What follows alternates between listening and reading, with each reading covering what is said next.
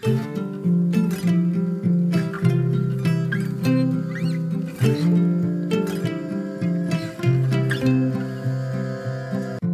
och välkommen till For Health med Anna Sparre. Idag pratar vi med Morley Robbins om viktiga vitaminer för din energi och för din sköldkörtel. Vi kommer dessutom in på saker som hur sköldkörtelmedicinering påverkar din kropp. Vi kommer in på reverse T3, histaminer och annat spännande. Det är tre avsnitt i rad här med Morley där vi diskuterar sköldkörteln. I det första avsnittet pratade vi mer allmänt om sköldkörteln och mitokondrierna. Vad är vad och vad är det som egentligen ger dig typiska sköldkörtelsymptom? I förra avsnittet då djupdök vi i olika mineralers betydelse för din sköldkörtel och för din energiproduktion. Och idag blir det alltså mer fokus på vitaminer. När jag hade spelat in de här intervjuerna med Morley så kontaktade jag Naturshoppen och bad dem vara med som sponsor. Naturshoppen har en hel sektion för just Morleys RCP-protokoll, inklusive de tillskott som vi tar upp i de här samtalen, såsom bra varianter av magnesium, mineraldroppar och torskleverolja, en naturlig källa för retinol. Allt av högsta kvalitet på naturshoppen.se. I den här versionen av intervjun finns det svenska sammanfattningar. Vill du hellre lyssna på den helengelska intervjun utan översättningar så lyssna på avsnitt 257b. Fördelen med att lyssna på de här delvis översatta avsnitten är att du får en del vidare förklaringar och summeringar om något tycks komplicerat. Om du gillar den här intervjun så dela med dig av den på Facebook, Instagram eller till en vän. Och gå in och lämna din recension i iTunes. Det är det som avgör om jag kan få hit intressanta intervjupersoner som Morley. Tack på förhand! Boka gärna in mig som föreläsare, till exempel till ett event, och ladda ner mina e-böcker på forhealth.se.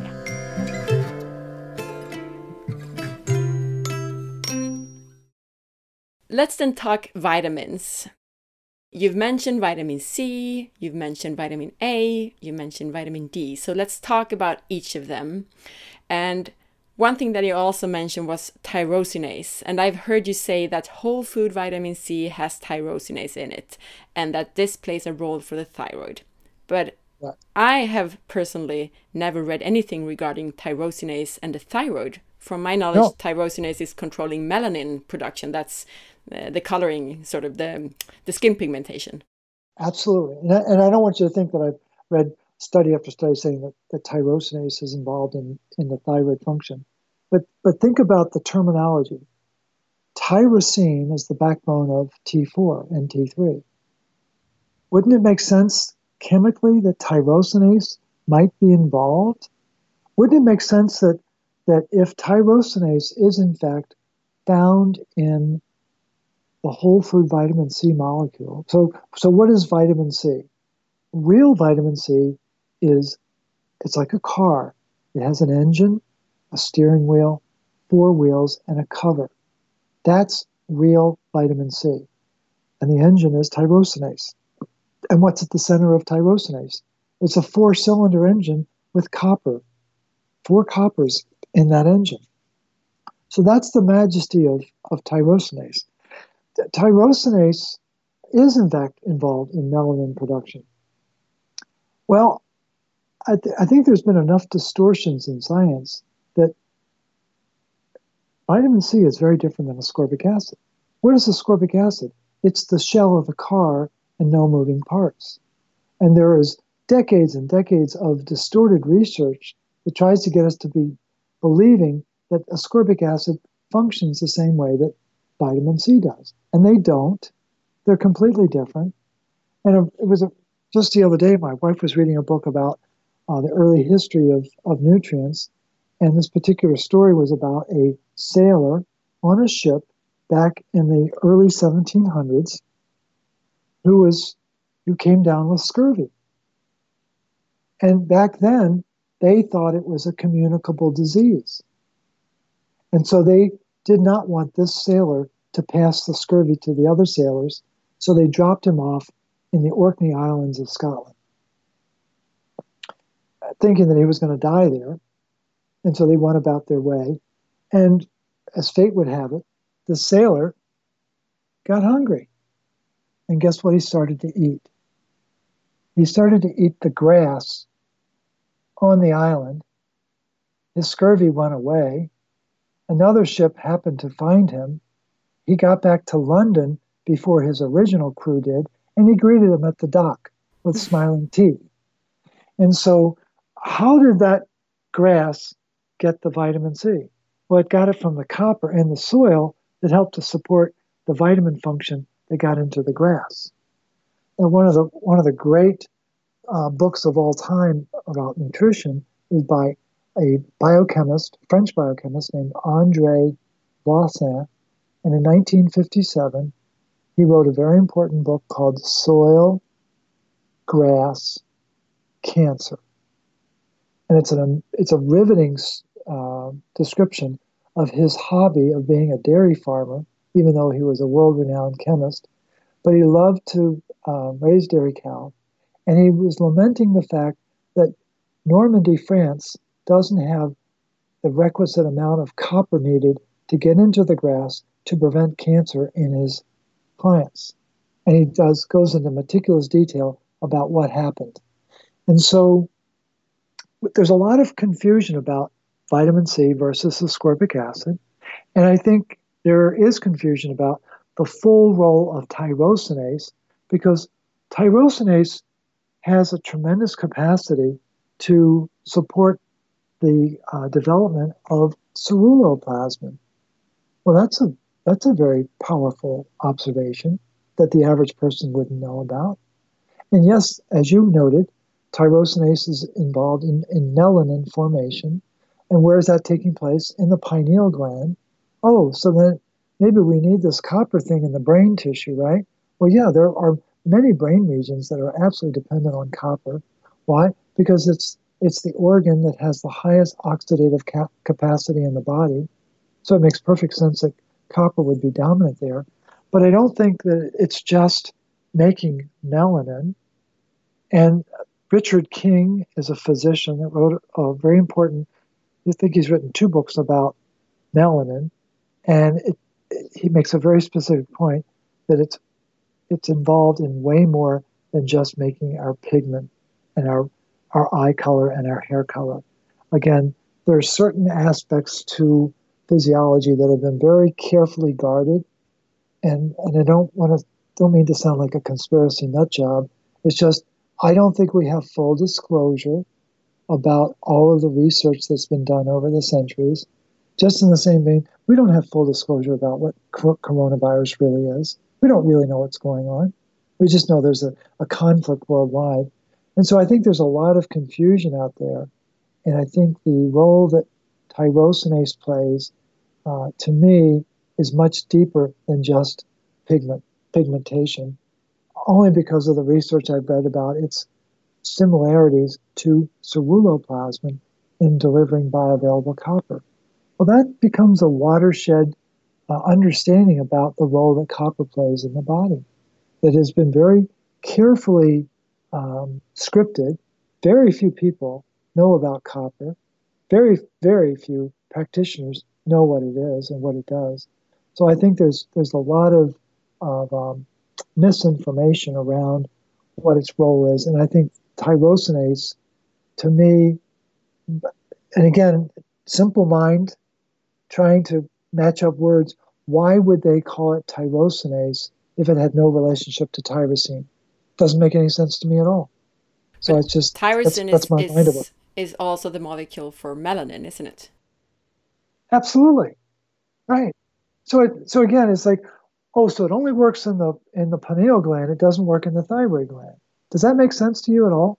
No, no. I was just uh, just regarding the the tyrosine. Yes, and I probably, I mean, this question is probably too, maybe on a too hard level for many of the listeners. So uh, I apologize for that. And I should also say, I probably didn't say that, that everything ending with an ACE like that, tyrosinase, is an enzyme usually.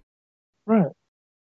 So I, again, I think I think people need to be more curious about what they've not been told about nutrition, and that's what really drove me to get into this work was I, I really wanted to, to work with nutrition. I th- think it's a fascinating field, as I know you do as well. But I wanted to be what I call the thinking person's nutritionist and get beyond the pablum of conventional thought and get to a deeper level of it's it's fascinating. It's absolutely mesmerizing when you begin to understand how the metabolism works, how energy dependent it is, how mineral dependent it is, and how all of these thousands and thousands of enzymes are dependent on mineral keys. That's when that's when the real magic happened for me. And I, I as, as we've discussed, I was captivated by magnesium initially, and then got into deeper and deeper layers of, of how the body works as, as time went on. And to summarize, then, vitamin C's role when it comes to the thyroid, whole food vitamin C, which is not ascorbic acid, as you mentioned, has much more in it, such as copper and zinc, which are both probably, even zinc, important to the thyroid hormones. And it also has this enzyme tyrosinase in it, which also probably has a role for thyroid function. absolutely. I again, I don't know that there's zinc in in. Um... Uh, no, not in vitamin C. I'm sorry, I, I, may have expressed that in a faulty way. I mean that uh, the sources of whole food vitamin C, like uh, rose hip and such, uh, they also contain zinc normally. So maybe not in the actual vitamin C molecule. I'm sorry. No, that's a that's an important clarification, and and in fact, that could very well be. Again, the the emphasis that's placed on zinc, I think, has distorted our understanding of the importance of copper. They are not equals.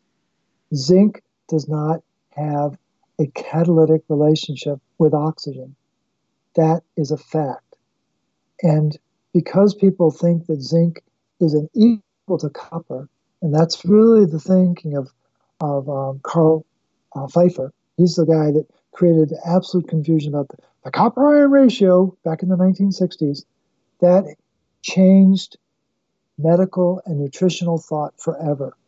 And I think it was one of the worst things that could have ever happened because all of the great scientists and clinicians prior to Carl Pfeiffer were obsessed with understanding the relationship between copper and iron because they were focused on making energy and how does the mitochondria really work.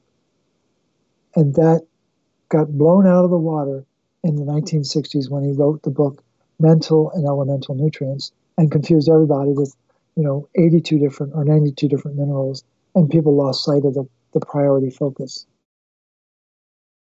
Not that I have strong feelings about it.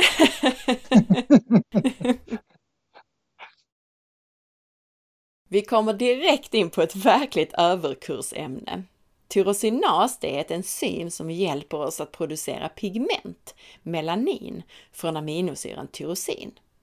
Men jag har hört Morley prata om hur tyrosinas är del i C-vitamin och hur tyrosinas skulle vara involverat i sköldkörtelhormonernas funktion. Morley berättar att det inte handlar om att han har läst en massa studier på ämnet, utan att inte minst utifrån namnet tyrosinas så borde det ha en relation till tyrosin, som även bygger sköldkörtelhormonerna. Och till the thyroid då, sköldkörteln. Så tyrosinase och thyroid, det är den kopplingen där. Men också för att tyrosinas har en roll i produktionen av ceruloplasmin, det protein då som innehåller koppar och gör koppar biotillgängligt i kroppen. Och för att det finns många funktioner runt allt det här där vi saknar information. I mitten av tyrosinasenzymet så finns det koppar. Och detta tyrosinas finns alltså i C-vitamin. Morley betonar skillnaden mellan askorbinsyra och vitamin C från mat. Askorbinsyra är bara en del av vitamin C. Och lyssna gärna mer kring det här ämnet i Morleys och mina tidigare avsnitt 218 till 221. C-vitamin från mat eller matbaserade tillskott är viktigt för sköldkörteln och energiproduktionen, inte minst för att det innehåller koppar. Dessutom innehåller i regel mat som innehåller C-vitamin även zink och andra mineraler. Och det här inkluderar mat som till exempel nypon och lever. Det är både rikt på C-vitamin och på mineraler. Morley betonar att koppar och zink inte är jämlikar. Den viktiga relationen är i huvudsak mellan koppar och järn, där koppar reglerar kroppens järn. Och hur det här då är viktigt för energiproduktionen. Det zink i överskott gör, det är ju att stimulera ett protein som binder upp kroppens koppar och gör det otillgängligt. Och det här pratar vi ju mer om i våra andra avsnitt. You've mentioned vitamin D uh, now when we've been talking about the thyroid, but I want to get back to vitamin D and, and dig a bit deeper in how it affects the thyroid. Great. So, again, we've got these partners A and D. We know how important retinol is to the thyroid. So, when you start to consume physiologically distorted doses of D based on a faulty blood test, which is measuring a storage form of the hormone, right? And, and the range that's used is 30 to 100 that was developed by Michael Holick at Boston University, when in fact the, the really rigorous research out of Johns Hopkins, which was studying all cause mortality by Mohammed Amer and his colleagues in 2013, said there's no clinical benefit to storage D being above 21. And what people are completely unaware of is that vitamin that excuse me, the active form of D should be two and a half times higher than that. That's a very important ratio to understand that most people don't have any awareness of. And when you start to take unnatural levels of vitamin D, you block the absorption of vitamin A and you block the utilization of vitamin A. That's a that's a big problem inside the human body because you've then changed the whole access to retinoic acids, the nuclear receptors, and all of the other uh, retinol related functions of the body. What is, what is the job of vitamin D? Every hormone has a job. Every hormone has a very important job. And what is it? It's to move minerals. That's really what they do. I, and I think that thyroid hormone is moving copper. That's really what it's doing. And what we've been taught is that oh, it's estrogen that does it. That's not what's happening at all. And what's the what's the hormone for magnesium? It's called progesterone. It's a really important, very important hormone for magnesium status. And what's the what's the hormone that's attached to vitamin? Or excuse me, what's the mineral that's attached to vitamin D? It's called calcium.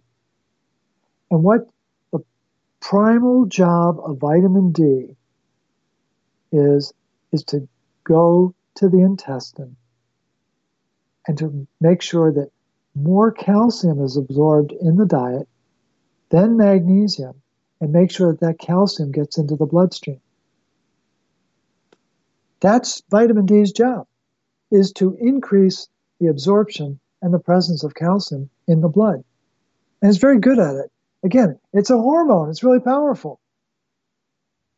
And so, if there's nothing to moderate that, which is called magnesium, then calcium is going to start to rise in the blood. Well, guess what? Every 15 minutes, I think technically it's they say it's every 17 minutes, but for round numbers, every 15 minutes, the entire blood supply goes by the thyroid. Think that might that rise of calcium might start to distort things inside the inside the thyroid function. Mm-hmm. It might affect might affect the functional um, nimbleness of the thyrocytes to do what they're supposed to do. I think it might dampen the presence of magnesium in the thyroid tissue. I think it might alter the potassium status that's supposed to be at an optimal level in the thyroid tissue. So again, the because of faulty research, because of missing information about what the vitamin D molecule is all about. What most people don't realize is that when we take a vitamin D supplement, which is synthetic, soy based, toxic for your body. Most people don't want to hear that. But when you take that supplement, do you know how many different directions it can go? Do you know how many different metabolites can be made from that one vitamin D supplement? Do you have any idea? No, I probably don't then. it, it's 11. It can go 11 different directions. One of them is to become an active 125 dihydroxy vitamin D. One of the 11 is what most people think it becomes. And all of the glory attached to vitamin D is the active hormone, not the, not the storage hormone. It's the active hormone. Storage is in storage, it's not doing anything. It's the active hormone that's in the intestine changing things. And so people don't know that. And the person who studied this the best and revealed it the best, I think, is his name is Jim Stevenson Jr. And he runs a Facebook group called the Seco Steroid Hormone D Group. And he has hundreds of articles that document categorically that the worst thing you can do for your health is to take vitamin D supplements. And he's very adamant about it. And he's got the research to back it up. So people have been deluded and distracted and have been, I think, wronged by this priority focus on vitamin D without understanding that there's two forms of it storage and active, no consideration to the role that A and D play together, and a complete mis- misunderstanding about what happens to vitamin D when it comes inside our body. It is a known fact that it causes renal potassium wasting. And every patient I've ever worked with that's taken vitamin D has very low potassium on their hair test. It causes an ATP loss in the kidney, and iron starts to, to accumulate in the kidney. That's a fact, which would contribute to the potassium loss. And and people think, oh, it's I feel so much better when I take vitamin D. What what's happening is their calcium level is rising in their body and in their tissue, and so they're becoming numb to the aches and pains that they had historically. And that's what calcium does, is it calcifies tissue so it loses its sensitivity. So it loses its signaling base. And and the worst possible thing people can do, back to our discussion about osteoporosis, is the minute the minute someone has what's called osteopenia, the doctor should go into a panic and think, oh my gosh, if the calcium is leaving the bone, which is the hard tissue in the body, that means it's being automatically attracted and built up in the soft tissue called our arteries and our brain and our other soft tissue in the body. And that's exactly what it does. But what most people don't know is that it's iron that's causing the calcium loss in the hard tissue, and it's in fact iron that's causing the calcium buildup in the soft tissue. That pesky iron atom is doing both events because of a lack of bioavailable copper in the body that can't function because it's drowning in vitamin D. And I also want to highlight there because you mentioned now that if you supplement with vitamin D, what happens is you will increase the calcium uptake and you will increase the potassium wasting. And you mentioned the ratio between calcium to potassium and its importance for thyroid function. So I want the listeners to think about that. Yeah, very, very important point. Again, there's a there's a difference between conventional knowledge and the truth.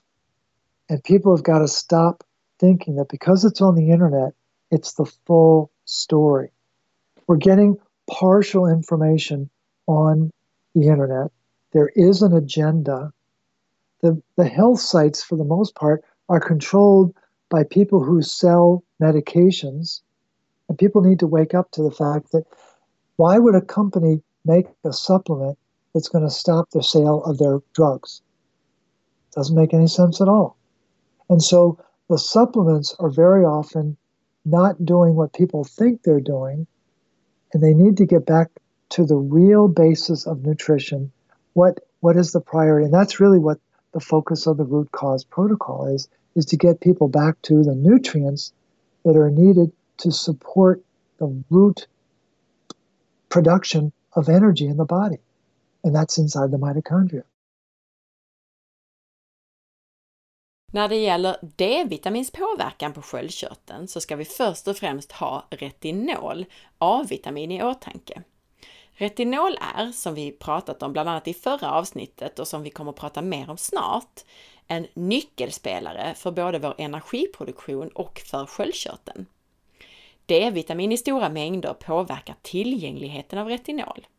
Stora mängder D-vitamintillskott blockerar både upptag och användning av retinol, av A-vitamin. D-vitamin är ett hormon och Morley ser hormoners jobb som att sätta mineraler i rörelse. Och sköldkörtelhormoner då sätter koppar i rörelse, som vi pratat om i de två föregående avsnitten. Morley nämner även en koppling mellan hormonet progesteron och magnesium. D-vitaminets roll, det här hormonet D-vitamin, det är att se till att mer kalcium tas upp.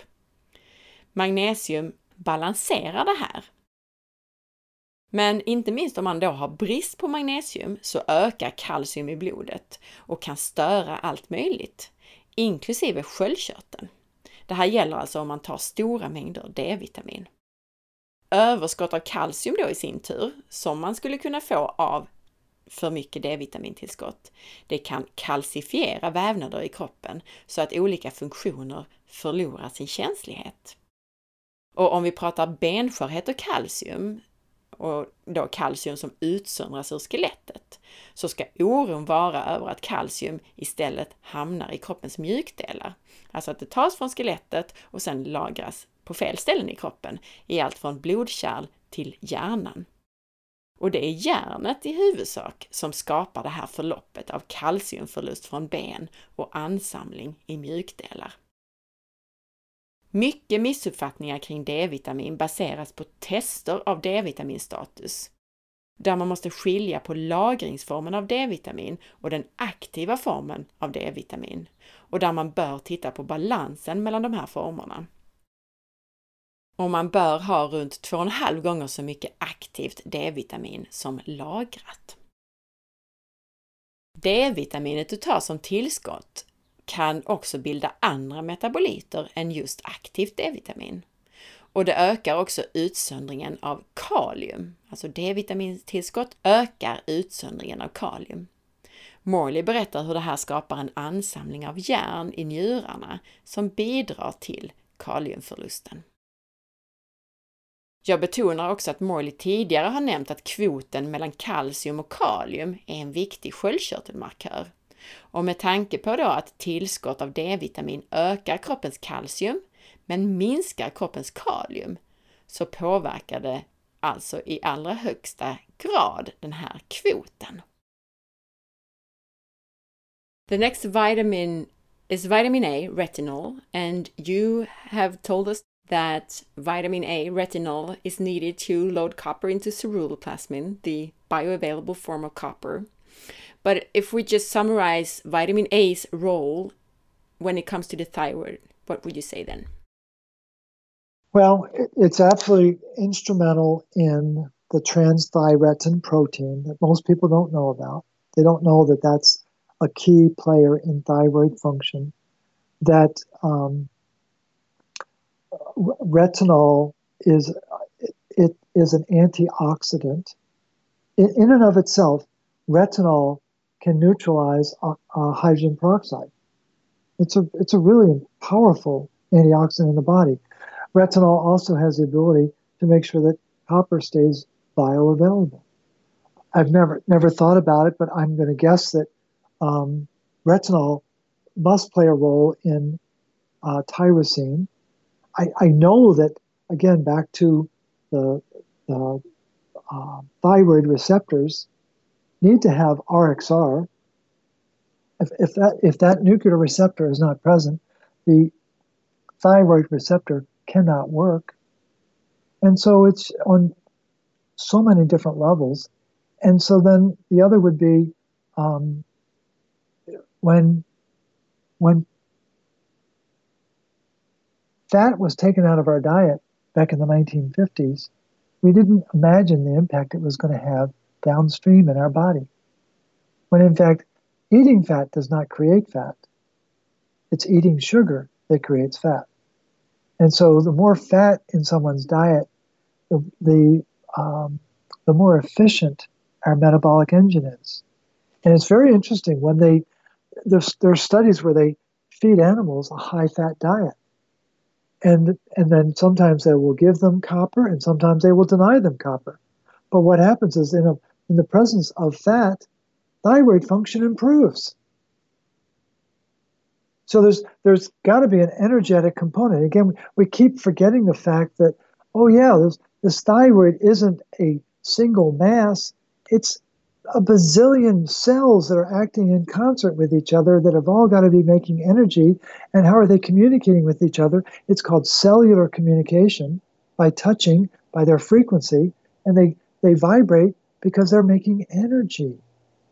And if they can't do that efficiently, then the, the whole um, tissue begins to produce faulty energy, and then it's unable to produce its byproduct, which is the thyroid hormones.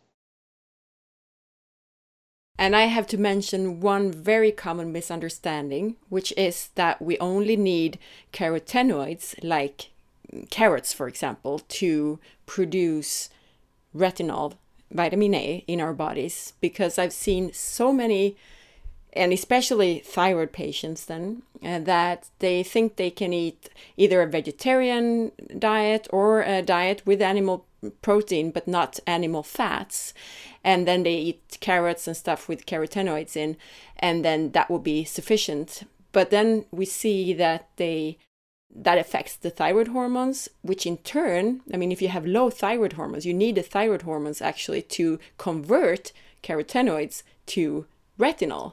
So it's like a downward spiral. And I usually see that when you give these patients fish liver oil, which is rich in vitamin A, they get so much better.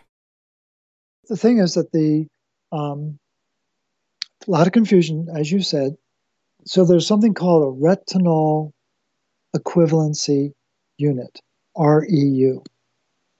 And one unit of retinol equals one retinol equivalency unit. It takes 12 units of beta carotene to equal one retinol equivalency.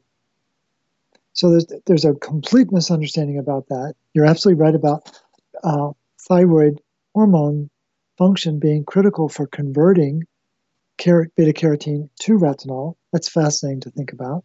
Then the other that's very important, there was a study that I just came across about retinol and then how retinol stops atherosclerosis, which is the leading cause of death on this planet, between heart disease and neurodegeneration, massive cause of death because the, the uh, arteries are getting calcified. And the other is that people who have um, steady levels of retinol in their diet have a completely different microbiome distribution. The, the entire microbiome is different when there's retinol in the diet than when there are other sources of fat. And people don't realize that the, the, the, there's a tremendous swing between um, E. coli and um, um, lactobacillus. So, so that there's supposed to be a dominant position of lactobacillus versus E. coli. And in a body that's eating retinol on a regular basis, that is exactly what there is. What happens though, when you take retinol out of the diet, as many people have done worldwide, and what is what is where what's the biggest source of retinol is fat. And what does fat mean? From animal tissue.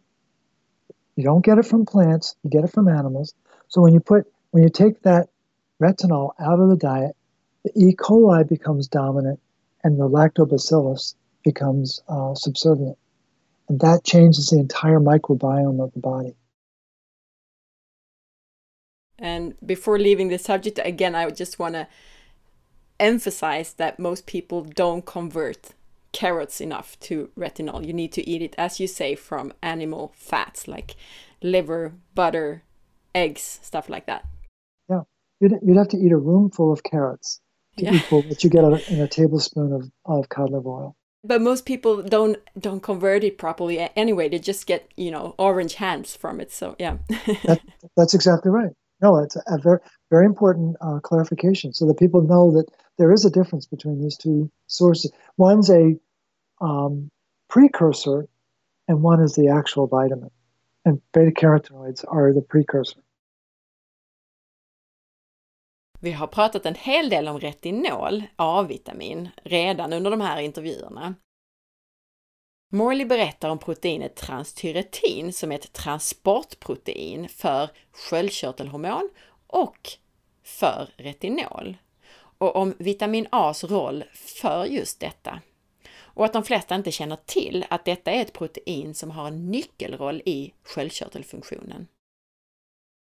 Retinol är en antioxidant som bland annat kan neutralisera väteperoxid. Retinol ser till att koppar hålls biotillgängligt.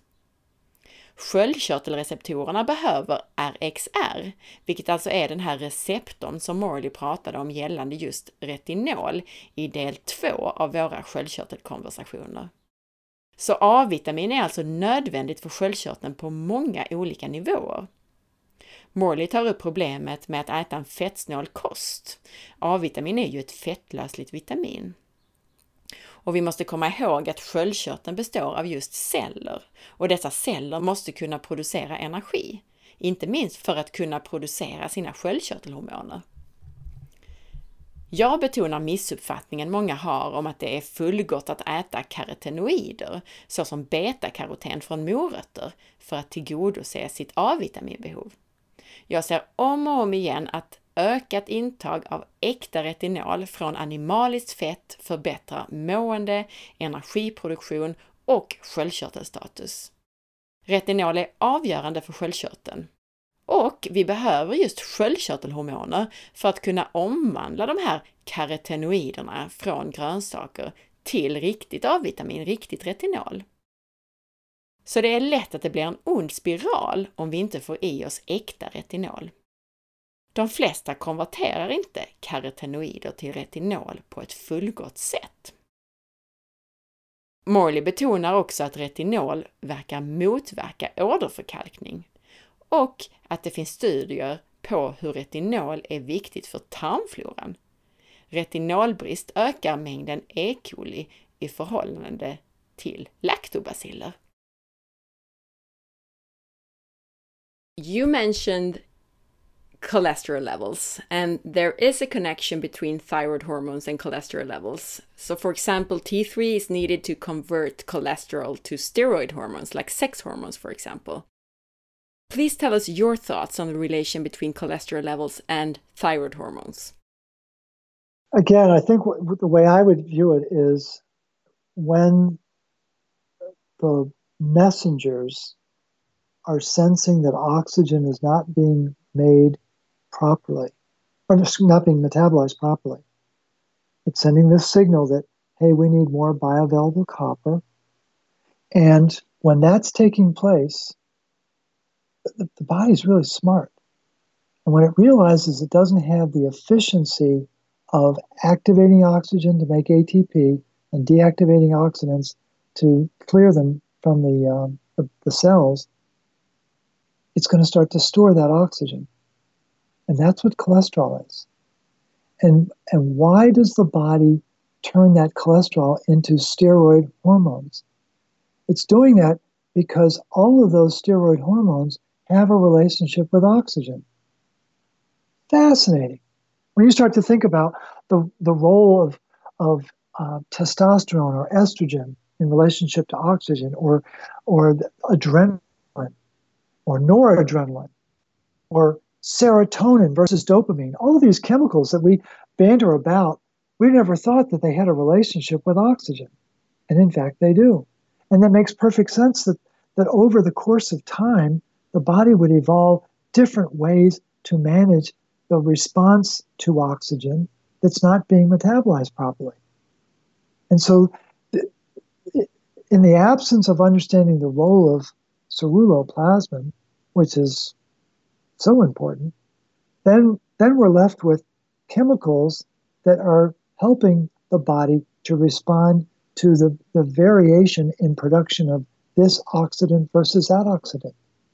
And that yes, these like like is there any more powerful hormone than adrenaline? I don't know that there is. But, but and it's explosive in its impact, but it's it's in response to a threat and it's at its greatest. But it's also when we get in a state of fear, guess what gets created? Adrenaline. And guess what happens? We get hypoxic. Well, we're not burning oxygen properly. It isn't just that the oxygen is disappearing, it's that it, it, the oxygen is disappearing, but it's not available to be made into energy. And so we need to look at all of these uh, hormones in a completely different light as it relates to this primal relationship we have to oxygen and how instrumental it is in making energy and causing exhaust. And that has been lost through the ages. That you've got at one extreme these astrobiologists studying the origin of the universe, and then you have all these clinicians studying disease, not realizing that those two events are connected. And we need, we need to understand today how does our body respond to oxygen like it was the beginning of time? Because that's really what it's all about. And we have these very sophisticated chemicals. And, and where are all these chemicals being made? Inside our adrenal glands. 50 hormones a day are made inside the adrenal glands. And where, where's all the attention? The thyroid that makes two, right? Well, actually, makes, if you want to get technical, because it makes four. You've got the, the uh, T4, T3, calcitonin, and PTH. But the adrenal glands are making 50 hormones a day. And where's 95% of the real vitamin C stored in the human body? Oh, yeah, it's in the adrenal glands. Think copper might be involved in that? Think tyrosinase might be involved in the cytochrome P450 family of enzymes, of which I think there are 42, 42 different enzymes in that family. And they're all housed in the adrenal glands. And and what what's the what are the two minerals that run that? Oh, yeah, magnesium and uh, sodium. They're really important to the adrenal glands. And, and when, when people get burned out, what are they burned out of? They've lost their magnesium and they've lost their sodium. And it's just people have lost sight of the primal origin of these glands and what their real job is is to respond to oxidative stress in the body. To me, it's just so central to our function. But to summarize, when it comes to cholesterol levels, then, would you say that odd, I mean, like cholesterol levels that are off, is that more dependent on copper status in the body than of right. thyroid hormones? When there's three events that will happen when you have uh, kind of an, an inflammatory response. So, what, what is inflammation? Inflammation is stage two of oxidative stress. There's a rising level of hydrogen peroxide because the mitochondria can't have a clean conversion of oxygen to water. And instead of making two molecules of H2O, it's making H2O2. So rising inflammation means rising hydrogen peroxide. What happens? Well, we get hyperglycemic, our blood sugar goes up we get hypertensive, our, our blood pressure goes up, and we get hypercholesterolemia. Our cholesterol level is going up. So all of that is all of those events really relate to rising oxidative stress in a body that can't metabolize oxygen. And Leslie Klevay, who was a world renowned copper expert in 1973, theorized and proved that a lack of copper caused cholesterol to rise in the body. That lack of copper meant that oxygen wasn't being metabolized right. So the body very quickly flips into producing cholesterol so it can make hormones to deal with the stress. Stress hormones. That's what that's why they're called stress hormones. They're oxidative stress hormones. And what's happened is that primal function responding to oxygen has been attached to the thyroid, but that's a relationship of correlation, not a relationship of causation. And the thyroid is just responding to the oxidative stress, not driving, oh, I think I'm going to make a lot of cholesterol now. It's just saying, man, we got to build up. And who's making the cholesterol? It's the liver. And what, what no one thought through was why is the cholesterol leaving the liver to go into the bloodstream? No one thought about that. that that's a really significant event because cholesterol is supposed to stay in the liver so it can be made into hormones. But that's not happening. It's going into the bloodstream. That's when people should have said, wait a minute, that's not that's not natural. And they didn't do that. And Leslie Klevay's research was was replicated 20 different times in 20 different labs around the world. So it's not just some random theory by some really smart copper guy. It's like it's a known fact that, that statins exist because nobody wanted to acknowledge the role that copper played to regulate cholesterol status. And I want to mention two things that you emailed me about. One is that, yes, cholesterol and especially LDL correlates with thyroid function, but that does not mean that thyroid hormones regulate the status of right. cholesterol. That was one thing. And the other thing you said was that there's a copper dependent enzyme to convert LDL to HDL. Yeah, it's called um, uh, lecithin cholesterol acyl transferase, LCAT, and it's an instrumental enzyme to, to flip LDL into HDL. And did people think that suddenly the body went denom, um, demonic and I'm going to attack you? No, it was missing a key mineral that was regulating cholesterol status in the body. And what no one told us was, oh, yeah, it was adding those iron filings to the wheat flour during the Second World War that caused copper to drop and caused the cholesterol to rise. Oh, yeah, it was never the fact that the cholesterol was rising, it was the fact that iron was oxidizing the cholesterol, oxidizing the LDL, which was causing all the problems of atherosclerosis. Oh, yeah, that was also affecting the retinol status that we took out of your diet 10 years after the war ended. And nobody knew all that. But, uh, but it all makes more sense when you understand the declarations of the food system and the medical system to, quote, protect us when in fact they were weakening us the entire time. And if the listeners think that cholesterol and cholesterol levels and medication is a jungle, then I just want to tell you to go to. I've done two entire episodes on cholesterol, which is 139 and 140. So please listen to those two. Vi kommer in på kolesterolets koppling till sköldkörteln.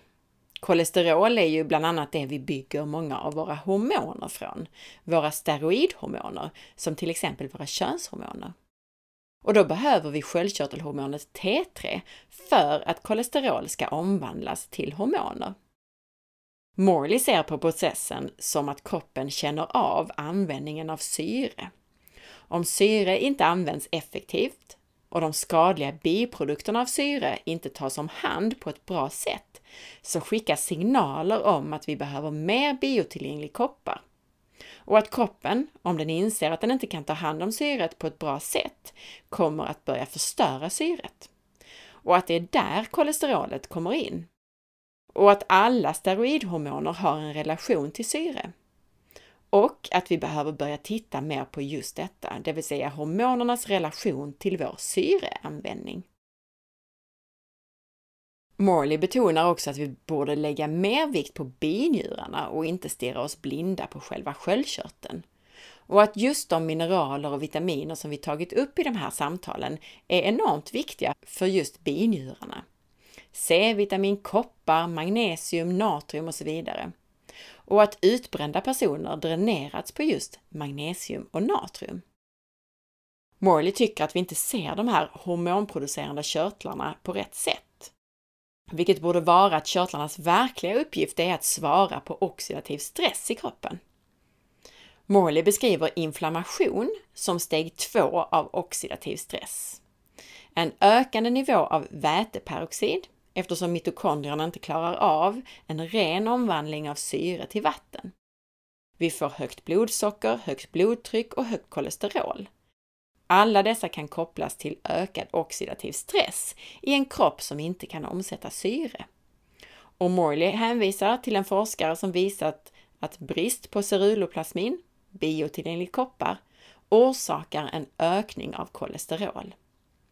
Bristen på koppar gör att syre inte omsätts korrekt, så kroppen svarar med att producera kolesterol så att den kan skapa hormoner för att hantera stressen. Och kolesterolet bildas i levern. Att avvikande kolesterolvärden kan korrelera med sköldkörtelhormoner och sköldkörtelfunktion, det är inte samma sak som att det finns ett orsakssamband. Sköldkörteln svarar bara på den oxidativa stressen, enligt Morley.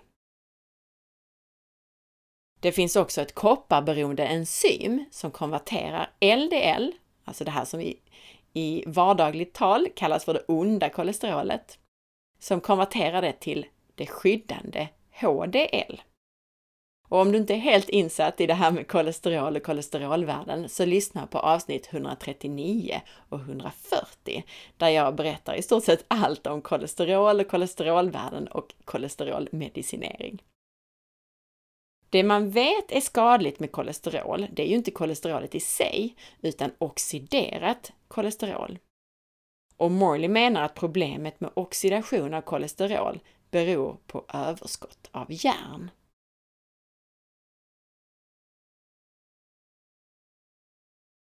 There are different causes to thyroid issues, even though, as we've spoke about in this conversation, it's much related to mitochondria and mineral status and bioavailable copper.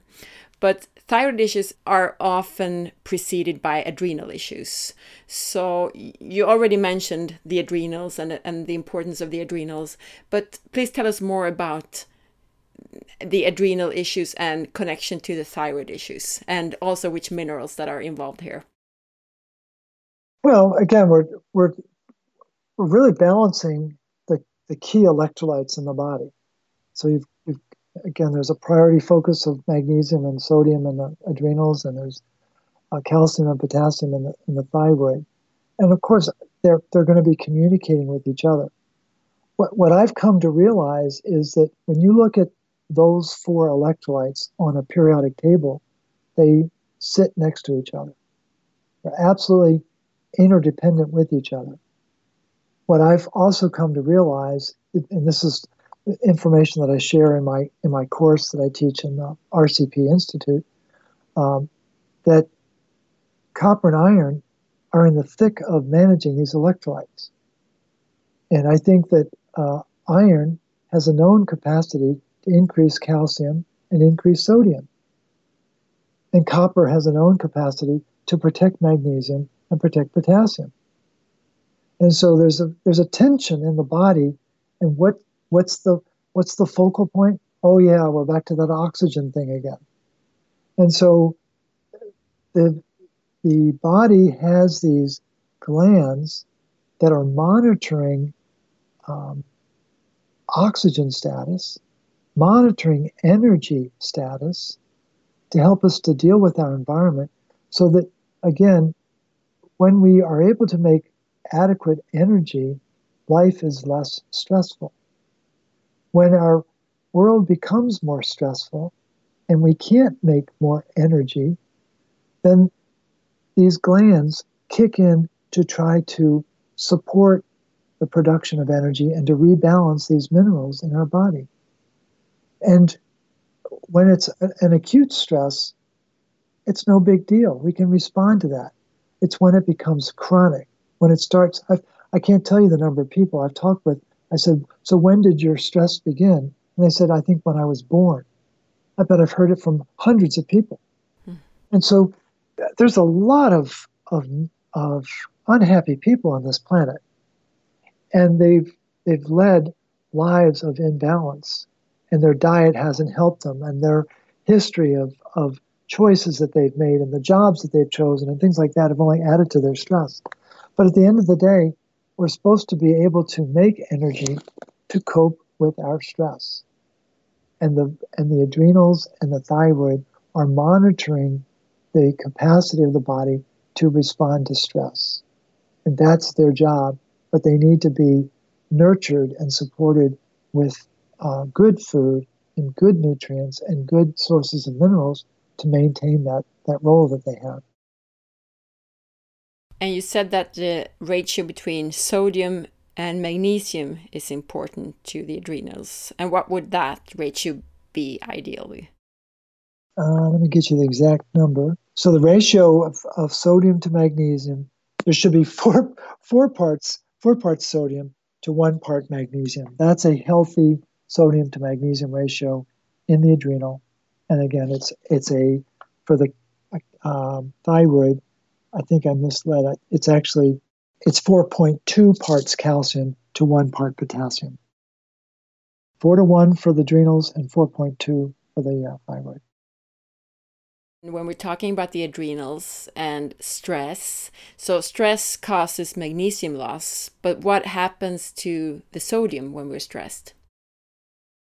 Well, there's a noted physician, his name was um, Hans Selye. He's considered the father of stress. And he did 30,000 experiments with animals to see how does the body respond to stress. Because he knew about Fiedler's theory from 1899. And so there's an acute phase, there's a resistance phase, and then there's an exhaustion phase of how organs and glands respond to stress. And in the acute phase, there's this explosion of sodium to, you know, again, it, and it ties in with adrenal, adrenal function and adrenaline, but there's an explosion of adrenaline then in, re- in the resistance phase, potassium is released to balance out the sodium to try to get back to a healthy 2.4 to 1 ratio. So 2.4 parts sodium to 1 part potassium. So the body will try to bring potassium back into balance. And then the body can sustain that for months at a time, maybe even for a couple of years. But at some point, it will absolutely collapse and the minerals will be lost and that's what's called exhaustion and the burnout that takes place. And it's very well recorded. And uh, Dr. Selye, uh, he had three degrees. He had a, an MD, a PhD, and a doctorate in science, all earned degrees. He wrote 45 textbooks and 750 articles. He was an absolute um, machine, and he exhausted his colleagues with his uh, output. But he was able to document meticulously how the body responds to stress and what the physical dynamic is inside the body. And this is also the reason why it could be important to get adequate levels of sodium and potassium when you take magnesium supplements, right? Exactly. Absolutely. Orsaker till sköldkörtelbesvär är som vi har pratat om i de här intervjuerna väldigt relaterade till våra mitokondriers funktion och till våra mineraler. Men ofta föregås sköldkörtelbesvär av problem med binjurarna. Eller till och med så förväxlas de här symptomen som man tror då är sköldkörtelsymptom med stress och utmattning som ju är relaterat till bland annat binjurarna. Morley beskriver hur koppar och järn också är involverade i kroppens hantering av elektrolyter som kalcium, kalium, magnesium och natrium. Järn har kapacitet att öka kalcium och natrium och koppar har kapacitet att skydda magnesium och kalium. Morley beskriver hur våra körtlar, som till exempel binjurar och sköldkörteln, monitorerar energistatus och syrestatus, alltså övervakar det här för att hjälpa kroppen att svara på stress. Och att vi är duktiga på att hantera akut kortvarig stress, men att kronisk stress är ett problem. Och ett stort problem är också att inte ge dessa körtlar näringstät mat med mineraler och andra viktiga näringsämnen. Morley nämnde redan i förra intervjun att kvoten mellan de här mineralerna, om man tittar i ett H-mineraltest, kan säga något om statusen på körteln. När det gäller binjurarna så är kvoten mellan natrium och magnesium optimal om den är 4 till 1. Och när det gäller sköldkörteln så är kvoten mellan kalcium och kalium optimal om den är 4,2 till 1. Vid stress så förbrukar kroppen mer magnesium. När det gäller natrium så är det knutet bland annat till adrenalin. Så vid akut stress så har vi ett kraftigt adrenalinpåslag och också en ökning av natrium. I nästa fas av stress så utsöndras kalium för att försöka balansera det här natriumpåslaget. Natrium och kalium måste ju vara i balans i kroppen. Men det här, den här processen, det håller inte för alltid. Kroppen kör slut på mineraler och blir utmattad. Now we said that thyroid issues often is preceded by adrenal issues, and we mentioned earlier that autoimmunity is a very common reason for thyroid issues as well. So when the body's own immune system starts attacking the thyroid. And you mentioned iron being involved in this, but please summarize anyway your take on autoimmune thyroid issues. Yeah, I, I mean, it's just um, there's a very sophisticated process of recycling iron, as we've talked about. And that's taking place in thyroid tissue. It's certainly taking place in the liver. And I think um, the, the buildup of iron and the inability to clear hydrogen peroxide becomes pivotal in the body's response to that. And again, it's the the terminology that's used is that the body is attacking itself. Well, actually, macrophages lose their true north, and they they they have two primary functions. There's a, a an inflammatory function and a wound repair function. Well, a macrophage gets full of iron gets stuck in an inflammatory tear down function, and that's what autoimmune is. It's the body the macrophages have lost their ability to flip to wound repair because of the mineral imbalances, largely dominated by too much iron, and it begins to affect the uh, function and the focus of the tissue that the macrophages happen to be a part of.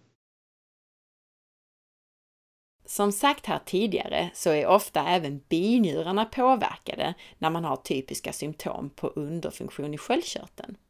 Men som jag pratar om i tidigare avsnitt, bland annat i avsnitt 111, så ligger oftast autoimmunitet bakom sköldkörtelbesvär.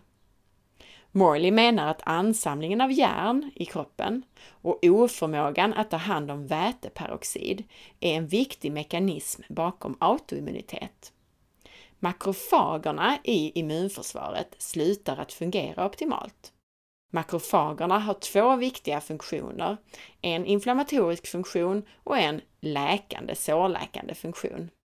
Makrofager som är fulla av järn fastnar i en inflammatorisk nedbrytningsfunktion. Och det, menar Morley, är vad autoimmunitet är. Makrofagerna har förlorat sin förmåga att slå om från nedbrytning till reparation på grund av för mycket järn. Then we come to medication, and we mentioned it very briefly. But what's your thoughts on so many persons being medicated with synthetic T4? In Sweden, it's called Levaxin, and in the States, it's usually called uh, Synthroid. I'm very, um, um, I, I never tell clients to not take their medication. I always encourage them to work with their physician around this. But I'm not convinced that these medications do what people think they do. I think the, the populace of people who have thyroid issues have been trained to obsess about their numbers, obsess about their energy function, uh, you know, obsess about their heart flutters or whatever whatever anomaly has been ascribed to poor thyroid function, and lose sight to the fact that minerals are being affected. I know they are being affected because every medication has a has a mineral impact, and so again, it's look here, not there. And there's just too many people who participate in the root cause protocol that have moved beyond their need for thyroid medication. Just you know, it's it's um, it sounds preposterous, but it's absolutely true. And I think the medications they may serve a role initially, but I don't think their intention is to rebuild the tissue. If they if it were, you wouldn't take them for the rest of your life, would you? And so if the if the tissue can't rebuild itself, if the tissue can't remineralize itself, if the tissue can't re, renourish itself, then it's always going to be dependent on this medication.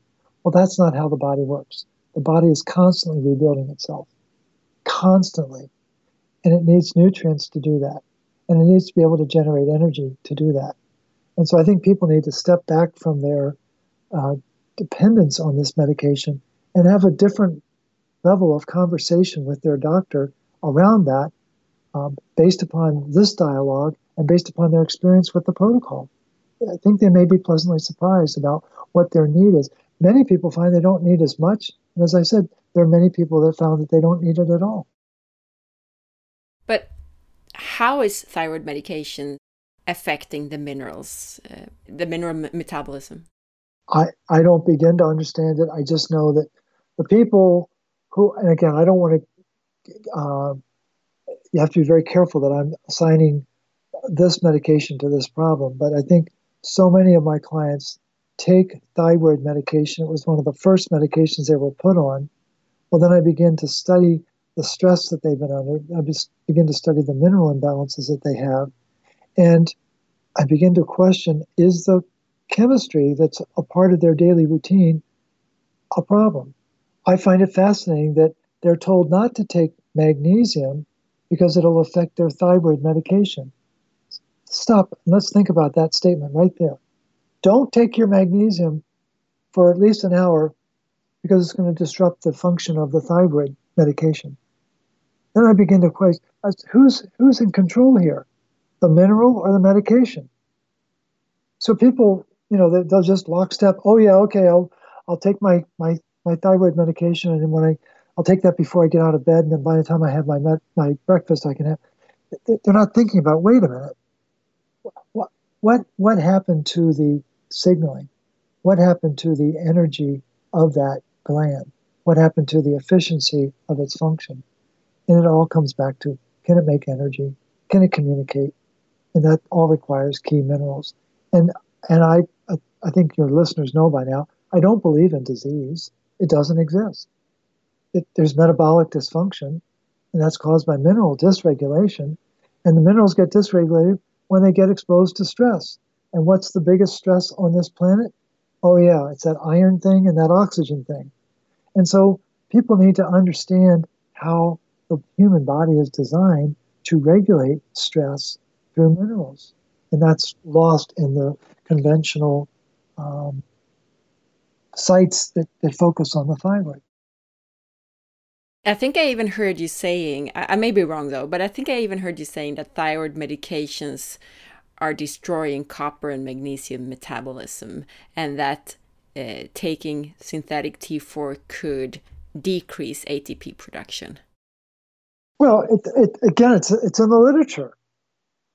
It's not it's not me making it up. It's like no, thyroxine un, it's called uncouples oxidative phosphorylation.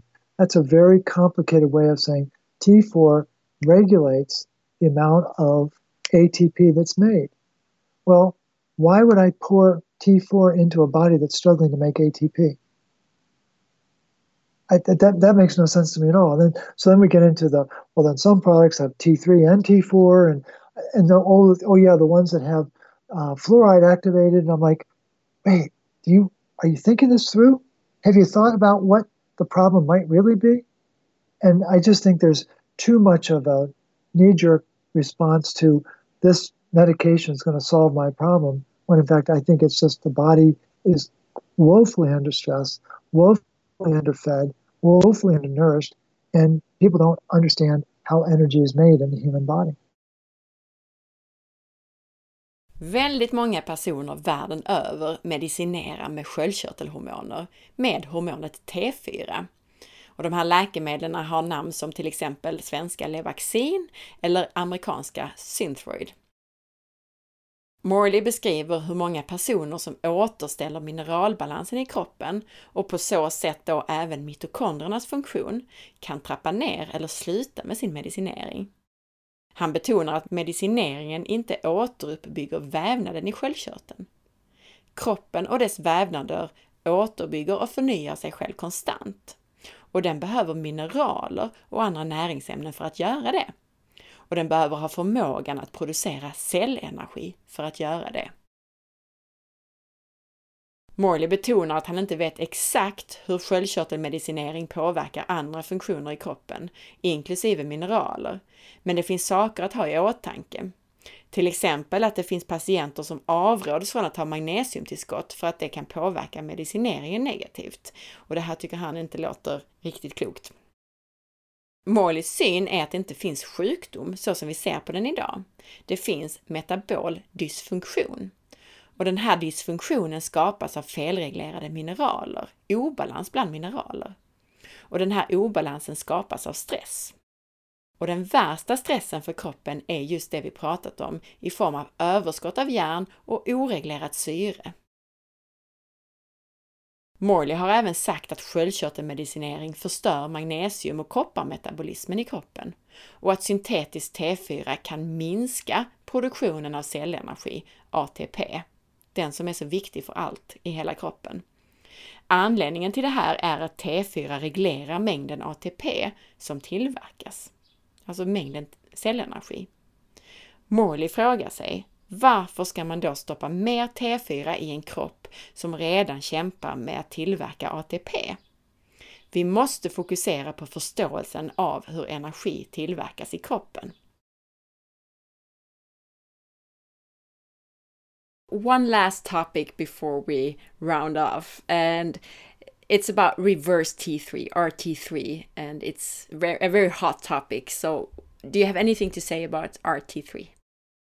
When when hypoxia inducible factor rises, which is a sign of growing inflammation, which is a sign of rising iron, reverse T3 takes off like a rocket. It's a response to poor metabolism in the body, not able to regulate iron and not able to regulate oxygen. And so it makes perfect sense to me that the body has this mechanism to stop the function and it's con- converting T3 into reverse T3, or it's converting the, the T4 into the reverse T3 because it's it knows that we're, we're, we're out of kilter here. There's a, there's a gross imbalance in the body. And when and hypoxia inducible factor is not just a, well, I'm, you know, I've got these ideas of what I want to do. It changes the function of 65 genes in the body that all relate to an inflammatory response based on poor oxygen metabolism. It changes the production of ceruloplasmin. It changes the, the conversion of a lot of different chemicals in the body. And it's a very powerful agent. Well, it has a particular affinity for the, the conversion of T4 to T3, and it changes it to reverse T3. Reverse T3 RT3, eller på svenska även kallat omvänt T3. Det här är en inaktiv form av det här aktiva sköldkörtelhormonet T3. Reverse T3, omvänt T3, liknar rent kemiskt det aktiva hormonet T3, men det är inaktivt. Och produktionen av RT3, omvänt T3, minskar alltså den mängd aktivt sköldkörtelhormon som finns tillgängligt för kroppens celler. Med inflammation, vilket är ett tecken på ansamling av järn, så ökar någonting som kallas för HIF, Hypoxia Inducible Factor. Detta är något som utsöndras som svar på minskade syrenivåer. Och med detta så ökar också reverse T3, omvänt T3, markant. Och det är ett svar på dålig ämnesomsättning i kroppen, dålig energiproduktion.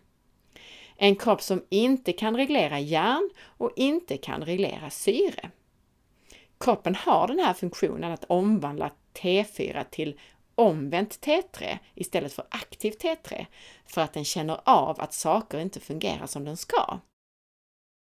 HIF har signifikant betydelse för många saker som händer i kroppen.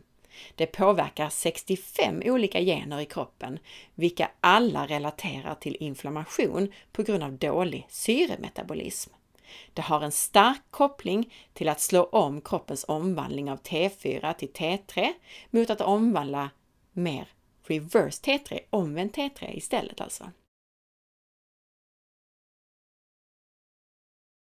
You mentioned your RCP protocol and um, I know the listeners can read about it elsewhere and they can also listen back to our previous conversations. But a very brief summary what's the main points of the RCP protocol?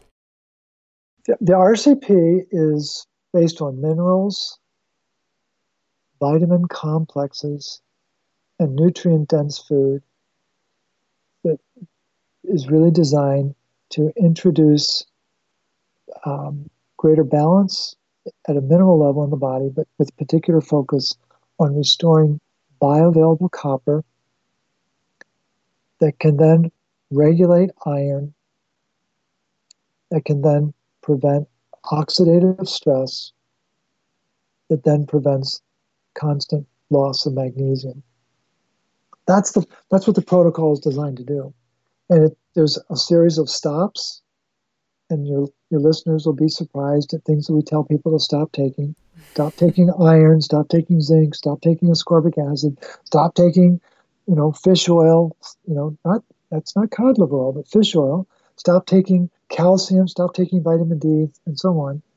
And we feel very adamant about that. And when people just do that, they start to feel better.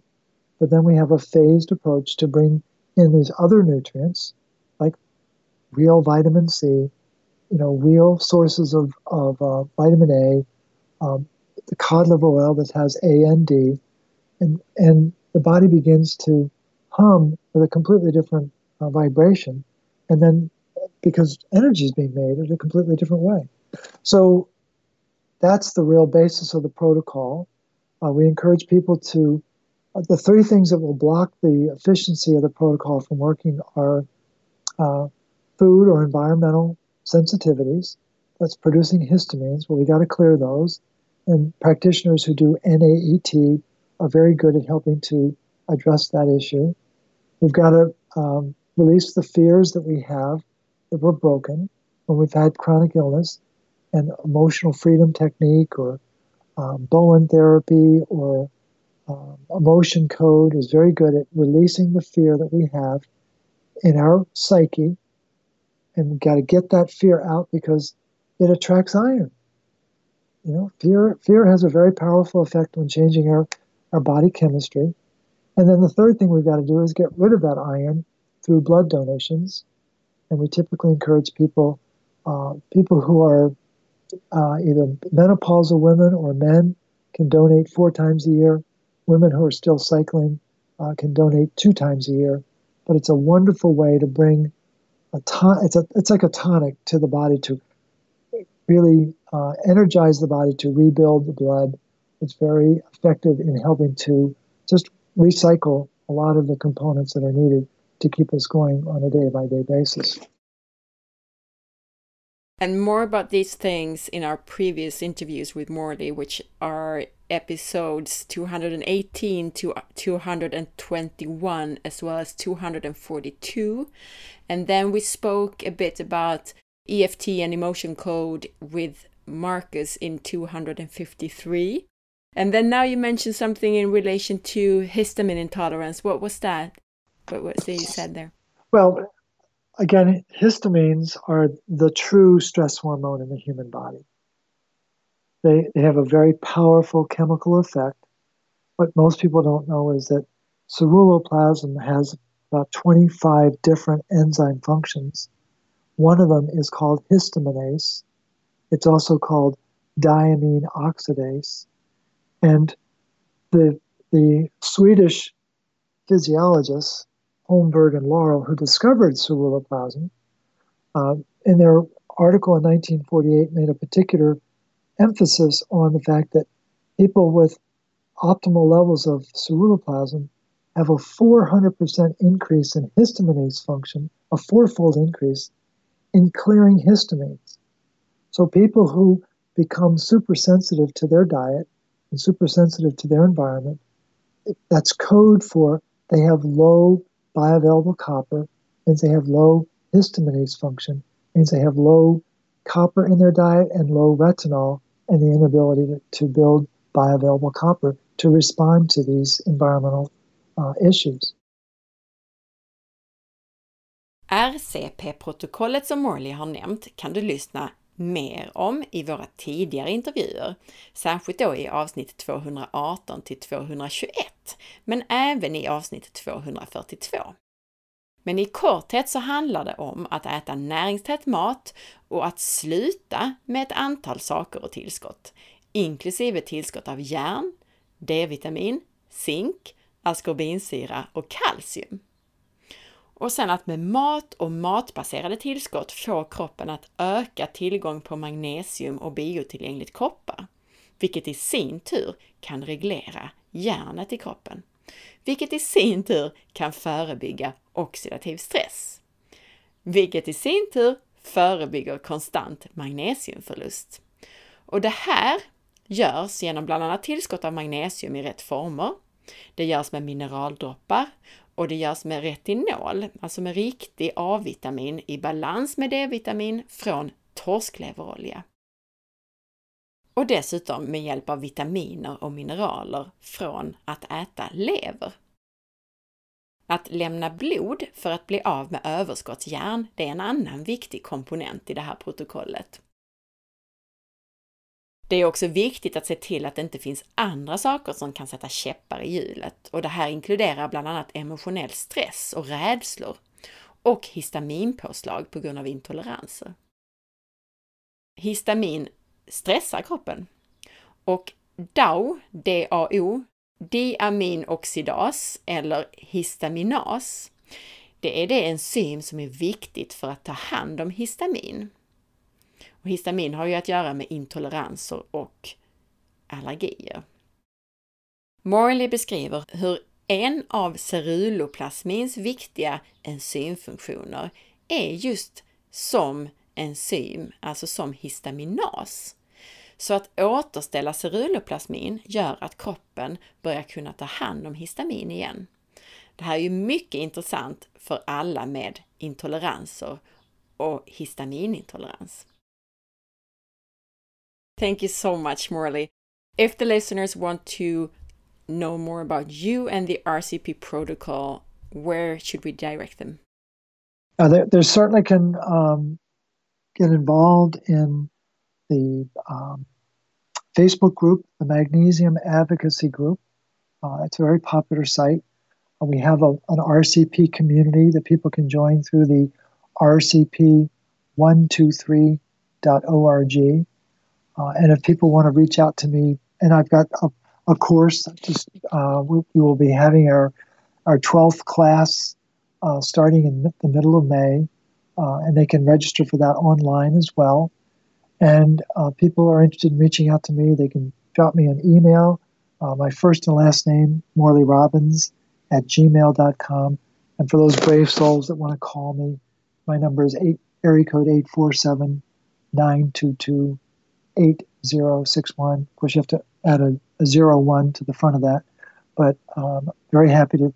You, you, people usually um, keel over when I give out my phone number, but people are very, very good about uh, only calling me under very significant circumstances. So I'm very, very happy to share that number because I know there are people out there that are very um, mindful of not wanting to disrupt my day, but but it's also sometimes it's very effective to have a conversation to really get to the bottom of an issue.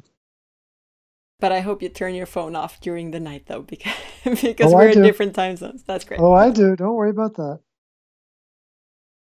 Is there anything that you think we missed or any last words It's been absolutely fascinating. I think the questions have been outstanding. I think we've covered the waterfront.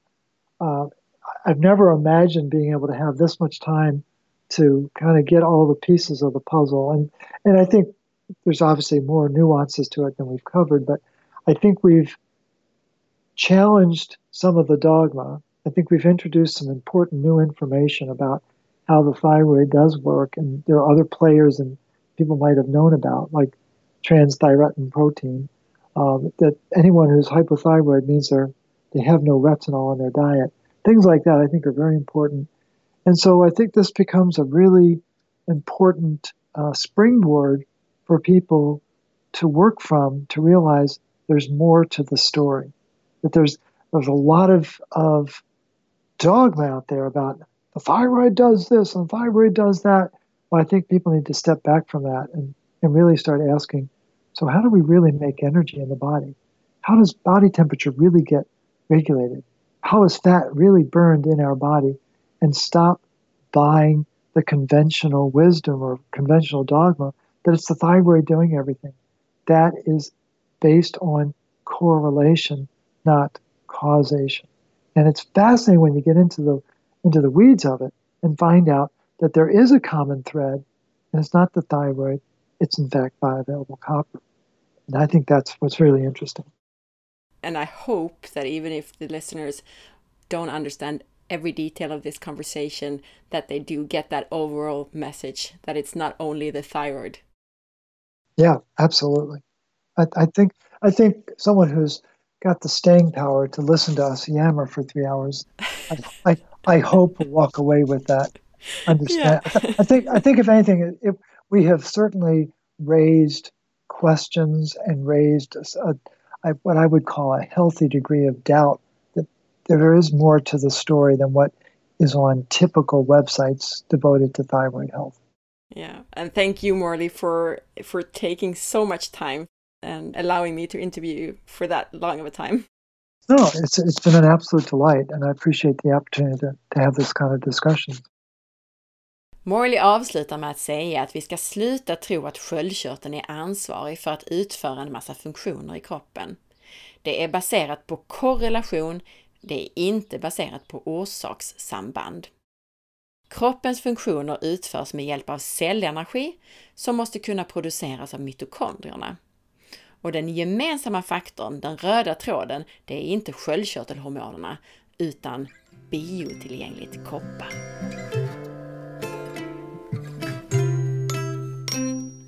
Tack för att du lyssnade!